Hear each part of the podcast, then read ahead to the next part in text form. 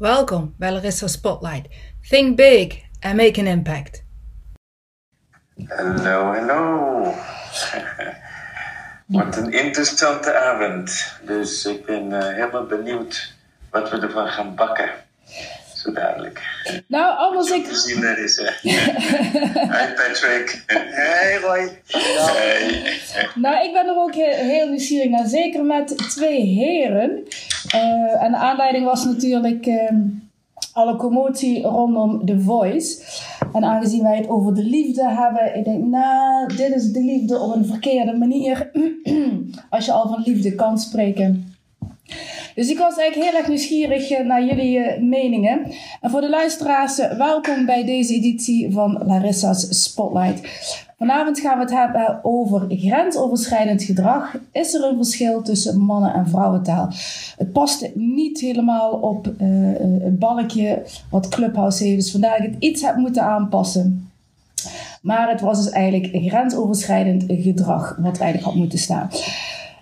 Um, voordat ik het vergeet, uh, wil je meer informatie over Roy Martina? Hij geeft elke week, een, nee, elke maand geeft hij een uh, workshop een weekendworkshop in Rotterdam, als ik me niet vergis.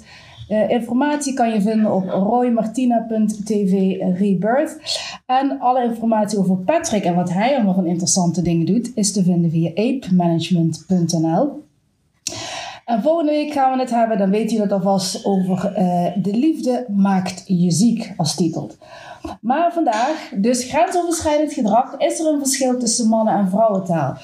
Uh, Roy, wij hebben het vorige week, heb jij iets erover genoemd. Kan je ons eerst uitleggen wat je bedoelde met een verschil tussen mannen- en vrouwentaal?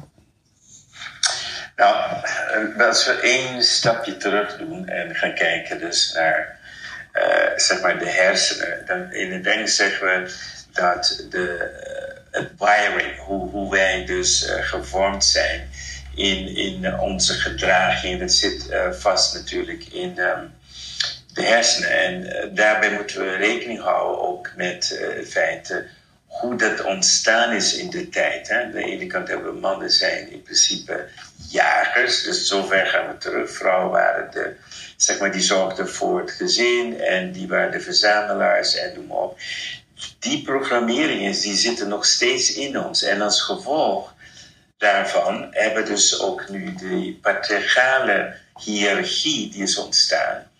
En, en, en dus dat kan wel eens ertoe leiden dat mannen gewoon denken van ja, ik ben de baas, ik ben de meest invloedrijke en ik heb alle rechten of wat dan ook en iemand anders wil wat van mij. Dus dat zit een klein beetje ingebakken in het systeem dat heel erg uh, ver uh, teruggaat. En dat kan leiden tot ongewenst gedrag of wat we het ook noemen en wat we ook zien, misbruik maken van je positie en, en noem maar op. En we leven nu sowieso in een tijd waarin, laat ik definitie man-vrouw is, is heel anders. We hebben zelf mensen die uh, bij spreken niet zich meer identificeren met het een of ander. Dus dat is, het was heel verwarrend. Toen hebben we ook nog uh, het ontstaan van de transgendergroep. En dat gaat zomaar door. Leven in hele aparte tijden. Maar tegelijkertijd hebben we natuurlijk het hele verhaal van de MeToo gehad natuurlijk. Die, die enorme consequenties heeft gehad. Waardoor we toch meer zijn gaan nadenken. Ook, ook zeg maar op de, hoe je het, in bedrijven. Van, van het gedrag dat daar zeg maar uh, is. Dus we zijn nu in een soort turbulente fase van, laten we zeggen, aanpassing. En als we nog een keer erbij gaan nemen dat we ook nog een keer van de visse tijdperken, dat heeft uh, meer te maken ook, ook met, laten we zeggen, het collectieve. En gaan naar een tijd wat, wat, wat we noemen de watermantijd. Ook dat speelt een enorme rol in, in het geheel. En, en we zien ook bij de vrouw een enorme evolutie ontstaan. Dat is al een tijdje bezig. Uh, vrouwen zijn minder afhankelijk nu dan ooit. Die zijn veel meer zelfstandig enzovoort, enzovoort. Dus het is, ik, ik wil beginnen eerst gewoon, en dat wil ik ook graag uh, van Patrick horen, van de evolutieprocessen, hoe dat weer in deze tijd een, een, een rol speelt en, en daardoor ook mede bepalend is voor hoe zeg maar, het gedrag uh, nu in onze maatschappij is. Wat, wat, zou je kunnen toevoegen, Patrick?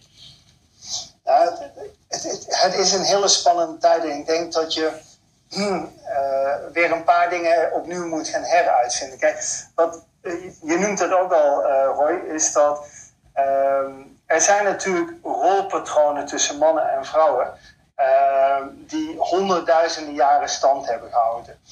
Ehm, en, en het bijzondere is, daaruit is ook een stuk communicatie voortgekomen.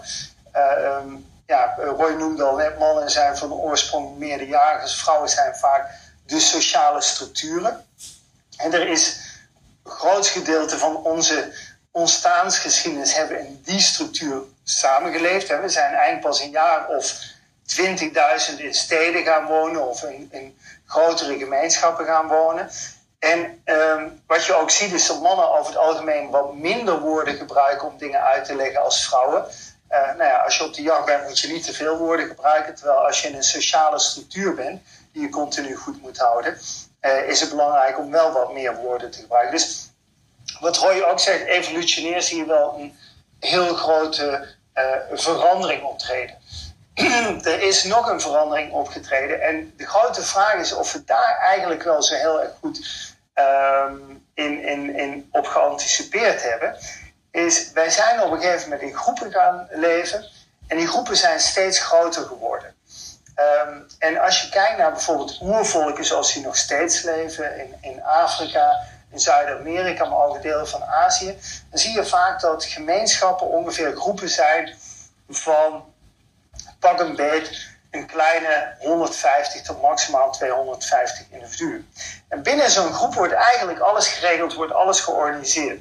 En als iemand zich misdraagt, in welke vorm dan ook, dan zie je bijna altijd dat die groep dat gedrag gaat corrigeren. Die groep die gaat uiteindelijk ervoor zorgen dat zo'n ja, zijn gemeenschap gewoon op een goede manier kan blijven functioneren. En uh, ergens in de laatste nou ja, pak een beetje 10.000 jaar zijn wij in groepen gaan leven die steeds groter zijn geworden. En zeker de laatste, nou ja, pak een beetje 40, 50 jaar, zijn die, die groepen steeds groter en complexer geworden. En dat is wel van invloed op de huidige tijd en ook op dit soort discussies. Um, we horen nu heel vaak van nou, weet je, dit is van alle tijden. Uh, dit kwam 50 jaar geleden voor, 100 jaar geleden kwam dit voor. Maar wat er wel heel erg nieuw is in de huidige discussie, is dat je merkt dat we eigenlijk niet meer heel goed in de gaten hebben wie is verantwoordelijk om dit gedrag op te lossen. Wie is uiteindelijk verantwoordelijk om ervoor te zorgen dat we nog netjes met elkaar blijven samenleven. En even één stapje, uh, één uitstapje zou ik zeggen naar de chimpansees. Het is heel fascinerend om bijvoorbeeld bij chimpansees te zien dat uh, er zijn alfamannetjes, mannen die zich groot maken, sterk maken en de ba baas uithangen. Maar het zijn altijd de vrouwen die bepalen met wie ze wel of niet seks hebben. En het bijzondere is, het gebeurt wel eens dat een mannetje uh, uh, uiteindelijk toch probeert gedwongen seks te hebben met een vrouw. Hè, dat ze die, die vrouw daartoe dwingt. Maar dat doet hij meestal maar één keer of twee keer. En dan zie je op een gegeven moment dat die hele vrouwengroep zich tegen zo'n mannetje keert. En in sommige gevallen wordt zo'n man gewoon gecastreerd. En uh, uh, het zijn wel de alfamannetjes die heel veel kabaal maken. Maar we zeggen altijd in de biologie, hè, het is male dominance. De mannen domineren, maken veel kabaal. Maar het blijft female choice. De vrouwen bepalen uiteindelijk. En je ziet in normale sociale groepen wordt dat heel goed in stand gehouden. Het lijkt alleen dat bij mensen dat de laatste jaren, en of die laatste jaren nu 10 jaar is of 100 jaar is, dat vind ik niet zo heel boeiend. Maar je ziet wel dat dat controlemechanisme, dat dat gewoon goed blijft functioneren, steeds verder uh, uh, op afstand wordt gezet. En het dus ook steeds minder goed functioneert. En dat is vooral vanuit de biologie een hele interessant, hoe vooral de totale sociale structuurverandering invloed heeft op toename van waarschijnlijk ongewenst gedrag. Uh, ja, dit, even hierop in. Dit is fantastisch hoe je dat uh, uitlegt. En ook wat we zien natuurlijk, uh, ook, ook zeg met de mensen, we hebben natuurlijk die, die male dominance is natuurlijk ook terug te vinden in onze hele cultuur. En, en waarbij ook, als we gaan kijken naar zeg maar hoe jongens dan worden opgevoed, en dan generaliseer ik even, ik kijk naar mijn eigen opvoeding, en dan zie je dat de meisjes voor, vooral dus, zeg maar moeten leren koken, wassen. En wij mocht in de tuin werken. En ook iets groot verschil wanneer het gaat om emoties te kunnen uitdrukken, dan, dan zijn we daar als man natuurlijk veel beperkter nog steeds in. Ondanks dat we niet meer, zeg maar, in die 20, 30.000 jaar, hoe lang ook we niet meer jagen. Maar het belangrijke is dus dat ook het stukje kwetsbaarheid en onderdrukking van emoties kan leiden op een gegeven moment tot gedrag, omdat uh, er spanningsvelden ontstaan. Dus uh, uh, ja, in intimiteit. En dan zie je dus ook dat mannen daarin over het algemeen niet goed zich kunnen uiten en daardoor misschien sneller agressiever worden of gebruik maken van hun fysieke krachten en dat soort dingen. Terwijl dus, eh, als ik dus kijk ook naar de mensen die naar mijn cursussen komen, die, die, waarbij we leren juist dat kwetsbaarheid, uh, zeg maar, de werkelijke kracht is. En in een patriarchaal systeem, dus in die male dominance wereld, ja, dan, wil je dat niet, want de, de alfa's, als je dat doet, dan word je dus in feite gekleineerd door de rest. Dus we zien heel veel onderdrukking. En, en vanuit mijn holistische achtergrond heb ik natuurlijk daar heel veel ervaring mee. En dat leidt uiteindelijk ook tot andere complexe dingen. Maar ik denk dat het een enorme, het, zeg maar, ook invloed heeft op het gedrag. Dat wij niet in feite die emotionele intelligentie hebben van hoe wij expressie kunnen geven aan wat er echt binnen ons gebeurt. En ik denk dat uiteindelijk als je lang genoeg iets onderdrukt, dan moet het zich op een andere manier uh, moet het zich gaan uiten. En ik denk dat ook daar een, rol in, in speelt. In onze huidige tijd, waar alles ook natuurlijk veel sneller gaat. Het, bijzondere is overigens. Uh, uh, wat jij benoemt, Roy, is dat de wereld steeds sneller gaat. Uh, we zijn het trouwens wel erg vaak met elkaar eens, Roy. Dat, dat is eigenlijk.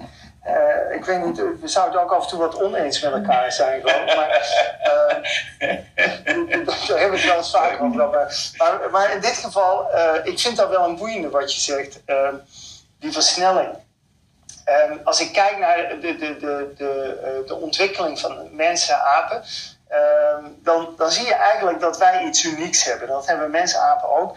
Een extreem lange kindertijd. En die lange kindertijd die, die duurt ongeveer een kwart van ons leven.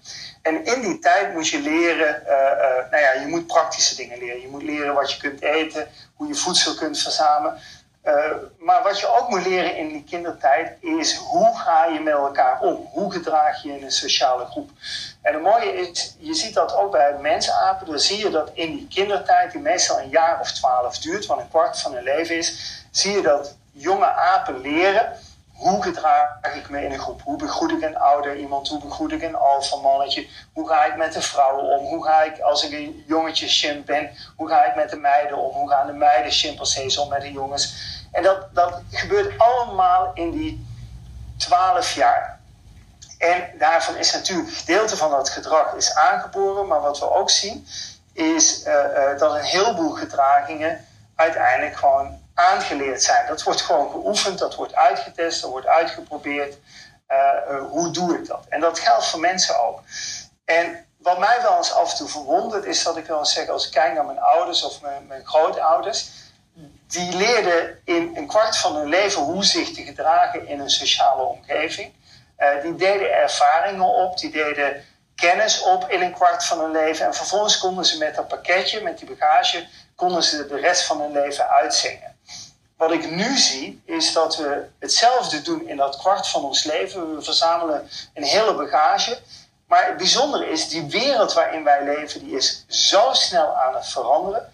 Dat ik soms wel eens denk, we hebben niet meer genoeg aan dat kwart van ons leven om al die bagage te verzamelen. Soms zouden we weer eens teruggeworpen moeten worden in een soort van kindertijd waarin we weer opnieuw leren hoe gaan we met elkaar om. Hoe gedraag ik me in de huidige wereld? Een simpel voorbeeld is bijvoorbeeld social media. Eigenlijk zou je weer even puber moeten zijn om te leren hoe gedraag ik me op social media. Hoe werken die spelregels? Hoe gaan we op een fatsoenlijke manier met elkaar om?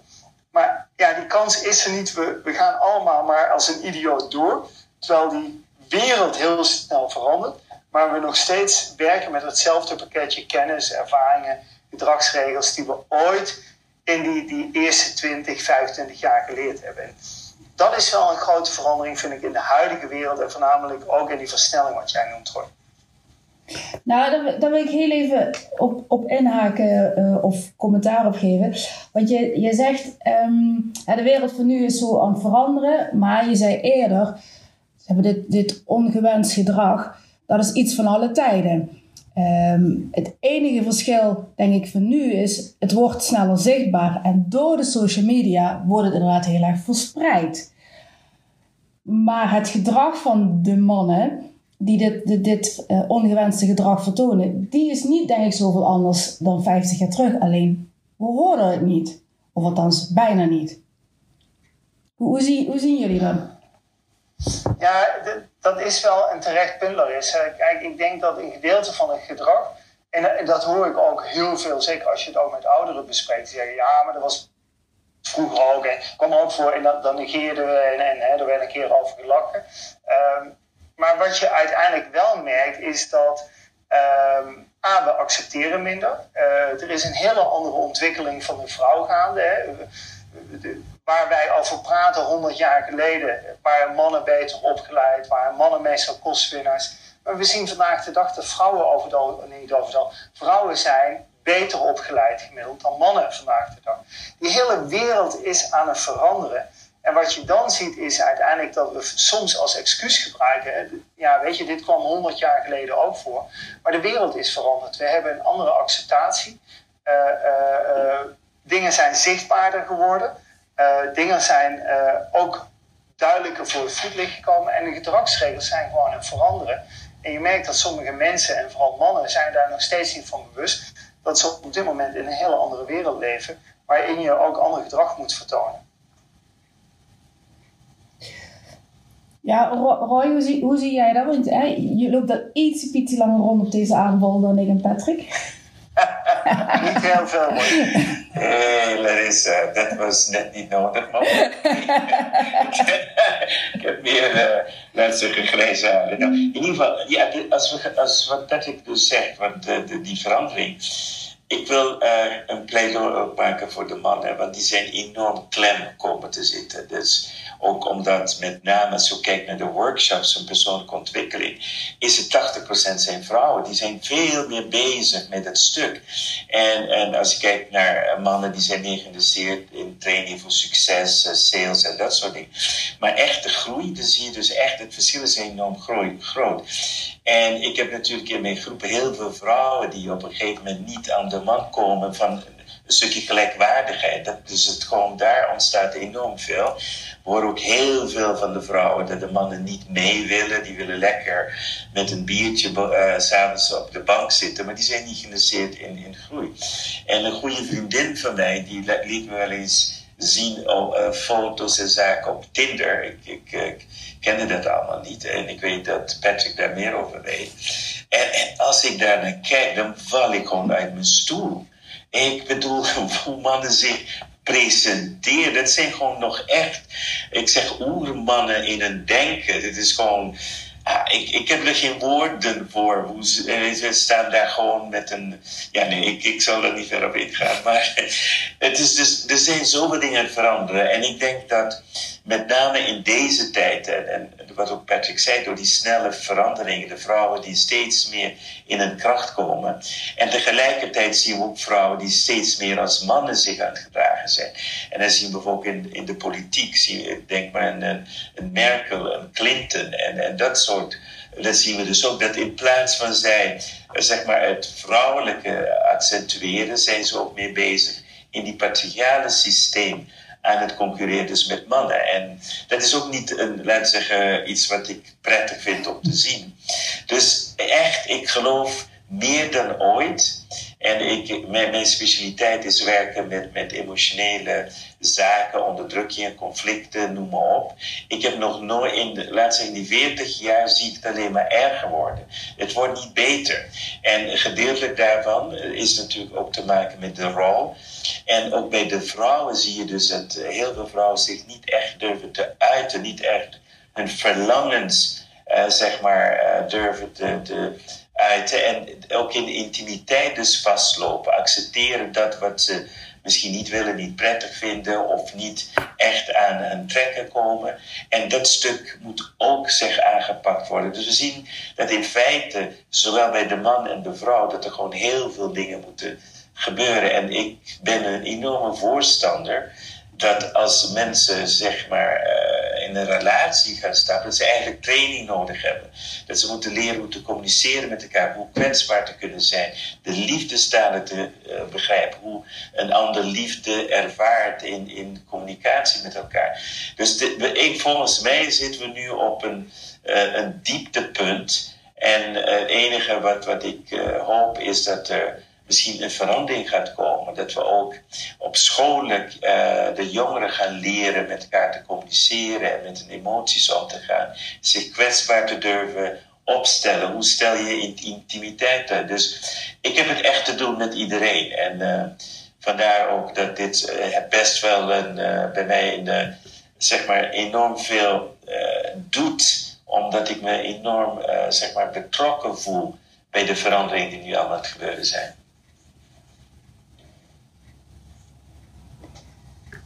Ja, Patrick, jij wilde, ik zag de microfoon, ga je gang. Ja, wat, wat absoluut een punt is, is, is met name die wereld die aan het veranderen is. En wat volgens mij wel belangrijk in dit kader ook is, is dat um, je ziet dat de vormen van communicatie veranderen. Uh, je ziet dat ook uh, omgangsvormen aan het veranderen zijn. we hebben opeens sociale structuren. Ehm, die, die, die op een gegeven moment ook, nou ja, daar zijn we eigenlijk niet voor gebouwd. Uh, Roy noemde net Tinder. Uh, ik, ik ben daar geen ervaringsdeskundige, Roy. Uh, maar uh, wat wel natuurlijk is, door bijvoorbeeld technologie als Tinder of datingsapps, et cetera, is ook wel dat een aantal fases in een normaal verleidingsproces. We spraken vorige week of twee weken geleden over de liefde. En, en, en, en daar merk je dat, dat ook een van de uitdagingen is dat heel veel mensen dat hele verleidingsproces helemaal niet meer goed snappen. Omdat ja, ze slaan gewoon vier, vijf fases over. Normaal zie je iemand lopen en denk je, oh die is leuk, maar durf ik aan te spreken, durf ik niet aan te spreken. En nu swipe je links, rechts. En, en dat aanspreken hoeft allemaal niet meer, want er is een of ander pingetje of een of ander signaal zegt van ah, je hebt een match. Uh, uh, dus je kunt alle chit-chat, alle smalltalk kun je feitelijk overslaan. En je kunt bijna letterlijk meteen zaken gaan doen.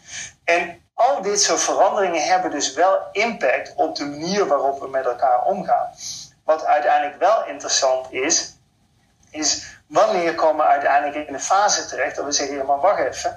Ik zie nu gedrag tussen twee mensen plaatsvinden wat totaal ongewenst is en wat natuurlijk ook de afgelopen maanden in de media is voorbijgekomen, is dat je merkt dat, en, en dit is niks nieuws, hè, dit is al vaker gebeurd. Uh, uh, de MeToo-affaire was een groot, uh, nou ja, publiekelijk schandaal wat op een gegeven moment naar voren kwam. dat heeft in Nederland plaatsgevonden, het heeft in de VS plaatsgevonden. We zitten nu alweer in de hele discussie rondom The Voice bijvoorbeeld. En wat natuurlijk wel heel boeiend is als je er van buitenaf tegenaan kijkt, is dat dus blijkbaar ergens ook tussen mannen en vrouwen er iets fout gaat in waar liggen uiteindelijk ook wel de grenzen in communicatie. En dat is deels, denk ik, uh, uh, het niet meer snappen van wat toelaatbaar is of niet toelaatbaar is. Uh, het vervagen van, nou ja, um, hoe gaan we met elkaar om? Wat kan wel en wat kan niet? En het is natuurlijk wel boeiend om te zien dat vandaag de dag steeds meer van dit soort situaties naar boven komen. En ik denk, um, The Voice is nu het begin, maar er gaat steeds meer, denk ik, wel naar boven komen. Dat je merkt dat discussies plaatsvinden waarvan we zeggen: ja, maar dit is echt wel over de grens heen. Dit, dit is niet acceptabel. En dan wordt het natuurlijk ook wel boeiend. Hoe krijgen we uiteindelijk wel weer de situatie terug? Dat mensen met elkaar omgaan op een manier dat we zeggen van nou ja, dit, dit is in ieder geval ook nog steeds binnen de grenzen waar iedereen zich plezierig voelt. Waarbij absoluut ooit wel of af en toe het kan gebeuren dat er dingen gebeuren waarvan de een denkt dit is binnen de grenzen en de ander denkt ja ik vind het toch onplezierig. Maar op een manier dat het niet meer escaleert zoals het op dit moment heeft plaatsgevonden. Of in ieder geval zoals het afgelopen weken naar buiten is gekomen. Dat wordt natuurlijk wel een hele boeiende. Ja, dus eigenlijk als we meer met elkaar leren communiceren, kunnen we een hele hoop trammeland voorkomen. Is dat een beetje wat ik eruit uh, kan, kan opmaken, Patrick? Uh, dat, ik denk wat, wat Roy net ook schetst, hè, die werelden, het, het wordt steeds complexer, het verandert ontzettend snel. En hebben we wel de goede bagage om met elkaar om te gaan? Uh, ik denk dat communicatie ontzettend belangrijk is.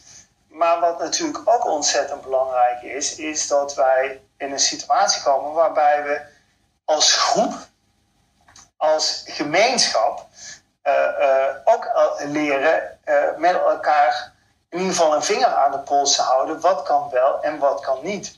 En ik denk dat we dat ook wel een beetje kwijt zijn geraakt. Leven in een sociale groep is niet alleen maar de communicatie en de interactie tussen twee personen.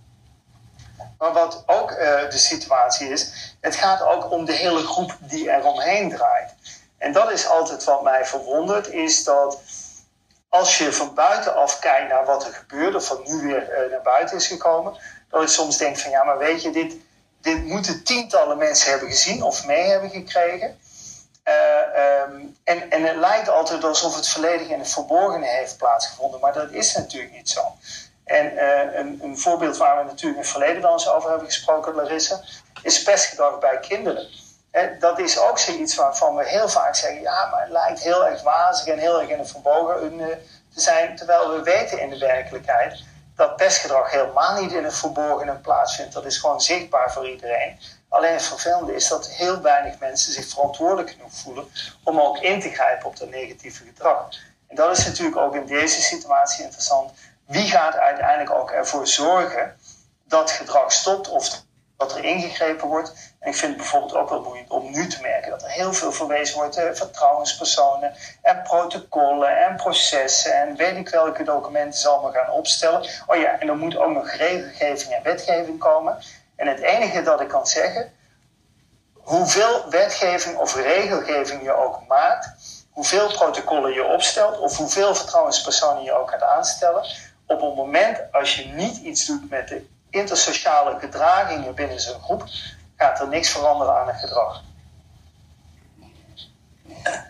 Ja, wat uh, ook, ook uh, daarop aansluit is natuurlijk dat uh, er heel veel angst is, met name bij vrouwen. Stel een vrouw die wordt gemolesteerd, verkracht of wat dan ook. En dan gaat ze al of niet naar de politie of, of wat dan ook. En dan werd, werd, heel werd ze heel vaak niet serieus genomen. Dus één kant van het verhaal, waardoor ik denk dat natuurlijk heel veel mensen niet naar buiten zijn gekomen. Dat zien we ook de schandalen in Amerika. Ik, ja, ik hou het allemaal niet zo bij. Weinstein, Epstein en weet ik wat allemaal voor Steins. Daar, daar gebeurt van alles en nog wat. En dan zie je hoe lang, hoe jarenlang dat gebeurt. Dat het praktisch uh, een beetje bekend is dat in Hollywood uh, dat dat allemaal normaal is en dat er niet over gesproken wordt. En ik denk de opvang uh, is, is vaak gebrekkig. En wanneer dan iemand ook nog een keer door zo'n rechtszaak moet, waarin jouw verhaal vaak wordt afgedaan als aanstellerij of weet ik wat dan ook. Hoe zwaar moet het voor heel veel vrouwen zijn om hun recht te gaan halen? En ik denk dat daar ook een verandering moet komen, dat het voor hen veel makkelijker wordt. En gelukkig zal dat zo wel zijn. Maar we zitten heel vaak nog steeds in het patriarchale systeem. Dan kom je dus bij andere mannen uh, terecht die dan ook op een heel andere manier naar je kijken. En ik denk dat dat ook, dus niet alleen de opvoeding, communicatie, maar ook de, de opvang eromheen en waar je terecht kan, dat het ook een hele belangrijke is. Willen we dit echt gaan veranderen? Nou, ik, ik heb nog wel een vraag aan, aan jullie beiden. jullie beiden opereren in een totaal ander werkgebied. Uh, Roy zei het eigenlijk al, bij hem in de workshop zit hoofdzakelijk 80% vrouwen. En ik schat even zo in dat het bij jou, Patrick, precies andersom is. Dat bij jou hoofdzakelijk 80% mannen zitten. En, um, ja, sorry, ga je gang maar eens. Nou ja, um, ik, ik wilde aangeven dat het, het is eigenlijk al heel nou ja, uniek dat jullie die een totaal andere werkgebied hebben, ook een totaal andere doelgroep eigenlijk aanspreken, dat we hier nu met elkaar samen zitten in, in dit gesprek. Maar dat geldt natuurlijk voor de normale wereld ook, hè, wat ik zeg, 80% zit ongeveer bij uh, mannen, bij, bij vrouwen bij Roy. En zeg maar 80 of iets, iets over nabij bij Patrick. Want daar zitten toch vaak de succesvolle mannen die nog willen weten hoe ze nog succesvoller kunnen zijn. Um, dus hoe kunnen we die groepen dan bij elkaar zetten of krijgen? Hebben jullie daar ideeën? Zodat die communicatie, die opvoeding, dat opvangsysteem uh, beter op gang kan komen. Zodat we het ongewenste gedrag kunnen voorkomen. Of dat eerder verantwoordelijkheid voor kunnen nemen en eerder aan de bel trekken. Want ik ben het met jullie eens, net zoals met pesten. Het is zichtbaar, alleen iedereen kiest ervoor om zijn mond te houden. En nu kan ik een hele ongepaste opmerking maken en zeggen dat ik blij ben dat ik niet die 80% vrouwen voor Roy heb en met die mannen zit. Uh, maar uh, ik weet niet wat makkelijker is. Um, nou, misschien een andere observatie daarbij, uh, Larissa. jouw hypothese klopte, denk ik, 15 jaar geleden. Toen, toen ik nou, wat is er nu, 15, bijna 20 jaar geleden begon met de eerste workshops en trainingen. Dat, toen hadden we bijna altijd, als je kijkt, keek naar managementgroepen, managementteams, um, schoof ongeveer nou ja, 80% mannen naar binnen. En sommige organisaties, bankwezen, et cetera, die hadden bijna 100% mannen daar zitten. Uh, overigens ook de zorg. Als je dan de managementlagen uit de zorg had, waren bijna uitsluitend mannen. Als ik vandaag de dag kijk, um, dan zie ik dat toch wel heel snel veranderen naar 50-50. Uh, dus als ik in organisaties kijk, dan zie ik uiteindelijk, en dat is misschien nog niet het allerhoogste niveau in, in, in bestuur uh, en managementlagen, maar zie ik wel dat een hele snelle verandering plaatsvinden uh, dat zeker in een middenkader steeds meer vrouwen werken. Ik denk uitsluitend op het topniveau, dus op het allerhoogste niveau van besturen, daar, daar is er altijd een zwaar overwicht van mannen. Uh, maar ik verwacht dat dat vanzelf ook heel snel gaat veranderen. Uh, maar dat gaat ook in de toekomst tot veel meer discussies leiden, want je ziet dat daardoor ook een soort feminisering van het bedrijfsleven gaande is, wat ik overigens absoluut een goede ontwikkeling vind. Uh, maar die feminisering gaat absoluut ook effect hebben op dit soort discussies. Maar dat, dat, dat is iets wat bijna organisch is gegaan in de afgelopen twintig jaar. En ik denk dat dat ook steeds verder zal gaan komende 10, 20 jaar. Omdat ik, nou ja, op dit moment, als je gewoon heel logisch kijkt naar de opbouw van organisaties, dan is bijna het hele middenkader van leidinggevenden uh, toch al 50% en soms zelfs meer procent vrouwen. En die stromen komende jaren ook door naar de hogere gelegen uh, leidinggevende functies. Dus ik denk dat daar wel een goede ontwikkeling gaande is. Nou, dus, dat is mooi te horen dat uh, de grijze pakken bij jou wat langzamer wat minder worden. En dat je de positieve uh, ontwikkeling ziet als het gaat om meer vrouwen in het middenkader. Nu nog even doorstoten naar boven. Dan komt er... Ja, ja, maar dat, dat is wel zeg maar een kern van deze discussie uh, in, in die zin wel. Is dat aan de top, zoals Roy dat ook noemt, zitten heel vaak nog hele patriarchale systemen, ook oud-denkende systemen zou ik er bijna zeggen.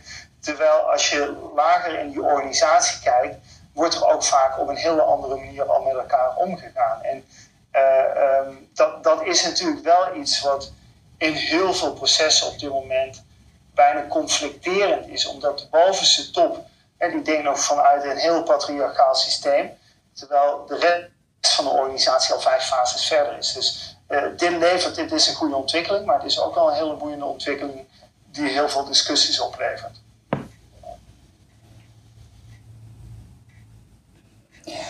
Ja, Roy, heb jij er nog iets aan toe te voegen? Als, uh, omdat je zegt, ik zie hoofdzakelijk meer vrouwen in mijn workshops en wat minder de mannen. Ja, ik, ik zou zeggen dat um, wat, wat ook belangrijk is, de, de attitude, de instelling en hoe, we hebben het over de hersenen en we hebben het over waar we vandaan komen, de jagers en, en noem maar op. Maar wat, wat ik dus vooral merk is dus dat mannen hebben meer een attitude van ik ga het probleem oplossen. En dus uh, wat, is, wat is het probleem? Dat doe ik wel, dat fix ik wel even. En bij vrouwen is dat niet het eerste wat, wat ze willen. Ze willen eerst hun zeg maar, sharing. Ze willen eerst praten, ze willen gewoon gehoord worden. gevoeld worden. En dat geeft natuurlijk ook een enorm verschil in aanpak. En dat uh, heb ik ook uh, gezien in, in mijn huidige relatie. Is dat ik echt heb moeten leren communiceren op een nieuwe manier. En, en sinds het boek uh, van de vijf liefdestalen dus een, een, een bestseller is geworden, heb ik daar heel veel over geleerd. Of van ja, hoe breng ik mijn liefde over? Wat is de liefdestaal van mijn partner? Wat stelt ze op prijs?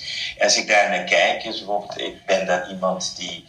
Laten we een voorbeeld nemen. Mijn vrouw die wil vooral kwaliteitstijd. Dus een, bij kwaliteitstijd is het dus zo dat je niet een noodzakelijke agenda hebt. Het is gewoon samen zijn. En mijn hersenen die zijn gewaaid van ja, wat gaan we doen? Geef me de bullet points van deze meeting en waar gaat dit naartoe leiden? Wat het doel? Noem maar op en dat soort dingen. En het heeft me echt wel een paar jaar geduurd voordat ik kon ontspannen in, in zeg maar, uh, het samen zijn en, en dat soort dingen. En nog meer. En in het begin kon ik daar niet zo goed mee omgaan. En dan was ze dus ook, dan ging ik wat doen, bijvoorbeeld haar voeten masseren. En dan voelde ik me nog nuttig. Dan deed ik tenminste iets. En was niet alleen maar in, in, het niets. En langzaam, stap voor stap, heb ik nu ook leren genieten. Het is niet het niets doen, het is het laten ontstaan. Waar, waar ben jij mee bezig? Whatever. Het is een heel ander iets geworden waardoor ook de relatie en de intimiteit steeds dieper gaat. Je gaat je partner daardoor natuurlijk veel beter leren kennen, omdat je niet een agenda hebt. En, en ik denk dat dat ook een groot verschil is, bijvoorbeeld tussen de communicatie tussen mannen en vrouwen. Hoe wij anders gefocust zijn en, en dat soort dingen. En ik weet niet of, uh, ja, Patrick natuurlijk met zijn uh, achtergronden daar ook een mening over heeft van hoe hij dat ziet. Uh, wat we gewoon weten ook wel uit onderzoek is dat uh, uh, mensen, uh, vrouwen zijn heel erg gefocust op de relatie. Ehm, en dat is ook, denk wat jij herkent in die liefdestaal.